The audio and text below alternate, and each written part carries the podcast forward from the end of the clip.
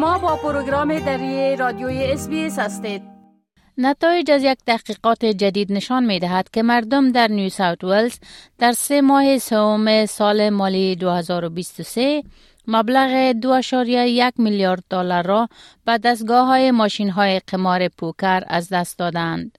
این مبلغ 250 دلار برای هر بزرگسال و کودک در این ایالت است. ارقام از جانب اداره مشروبات الکلی و سرگرمی نیو ساوت ولز توسط ویزلی میشن تجزیه و تحلیل شد تا مناطقی را که این مشکل در آنها قابل نگرانی است مشخص کند. ستیو کامرون مسئول اجرایی ویزلی میشن میگوید نتایج بسیار نگران کننده است.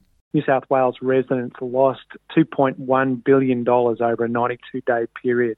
That's $23 million per day, and that's $250 per person, man, woman, and child across the state. A staggering figure that shows that The poker machine industry is one of the most resilient ones around, but also one of the most destructive as uh, so much money is sucked out of the community that could otherwise be spent elsewhere. نتایج این مطالعات نشان می دهد که مناطق غربی سیدنی مناطقی هستند که بیشتر تعداد استفاده از ماشین های پوکیز در آنجا رایج است. ستیو کامرون توضیح می دهد که چرا این مشکل در غرب سیدنی بسیار زیاد است. Western Sydney is the place where we see uh, already huge mortgage and rental stress, uh, where a lot of people, increasing numbers of people, are, are, reaching out for direct direct assistance in putting food on the table, paying rent, paying for mortgages, sending their kids to school with the right equipment.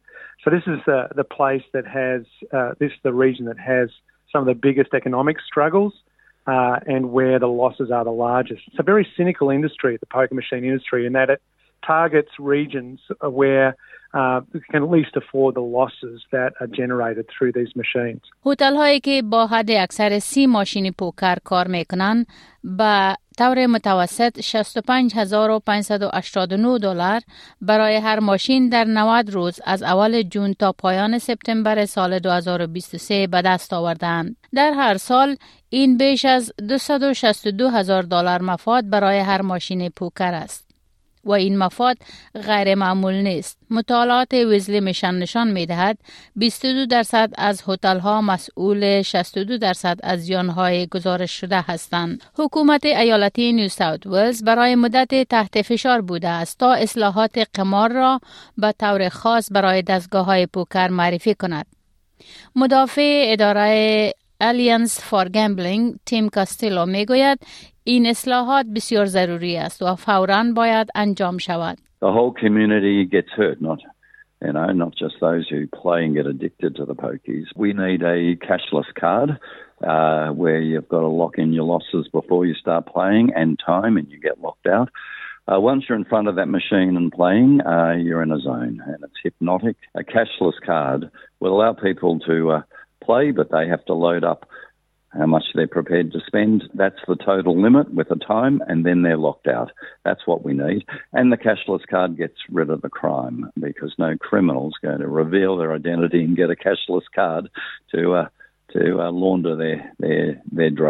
آزمایشات در حال حاضر در سراسر ایالت نیو ساوت ولز در حال انجام است تا دریابد که کارت بدون پول نقد چقدر موثر است و می تواند برای جلوگیری از زیانهای قمار باشد. انجمن هتل های استرالیا می گوید هر گونه اصلاحات می تواند مشاغل را در معرض خطر قرار دهد.